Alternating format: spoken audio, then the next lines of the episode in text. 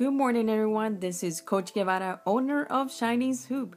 Today's a special day. Today's my birthday, 38 years young. I'm also a twin, so happy birthday to my twin brother. I hope you guys are enjoying the World Cup. Peru plays today, so vamos Peru. Once again, this is Coach Guevara. I hope you have a wonderful day. I'm out.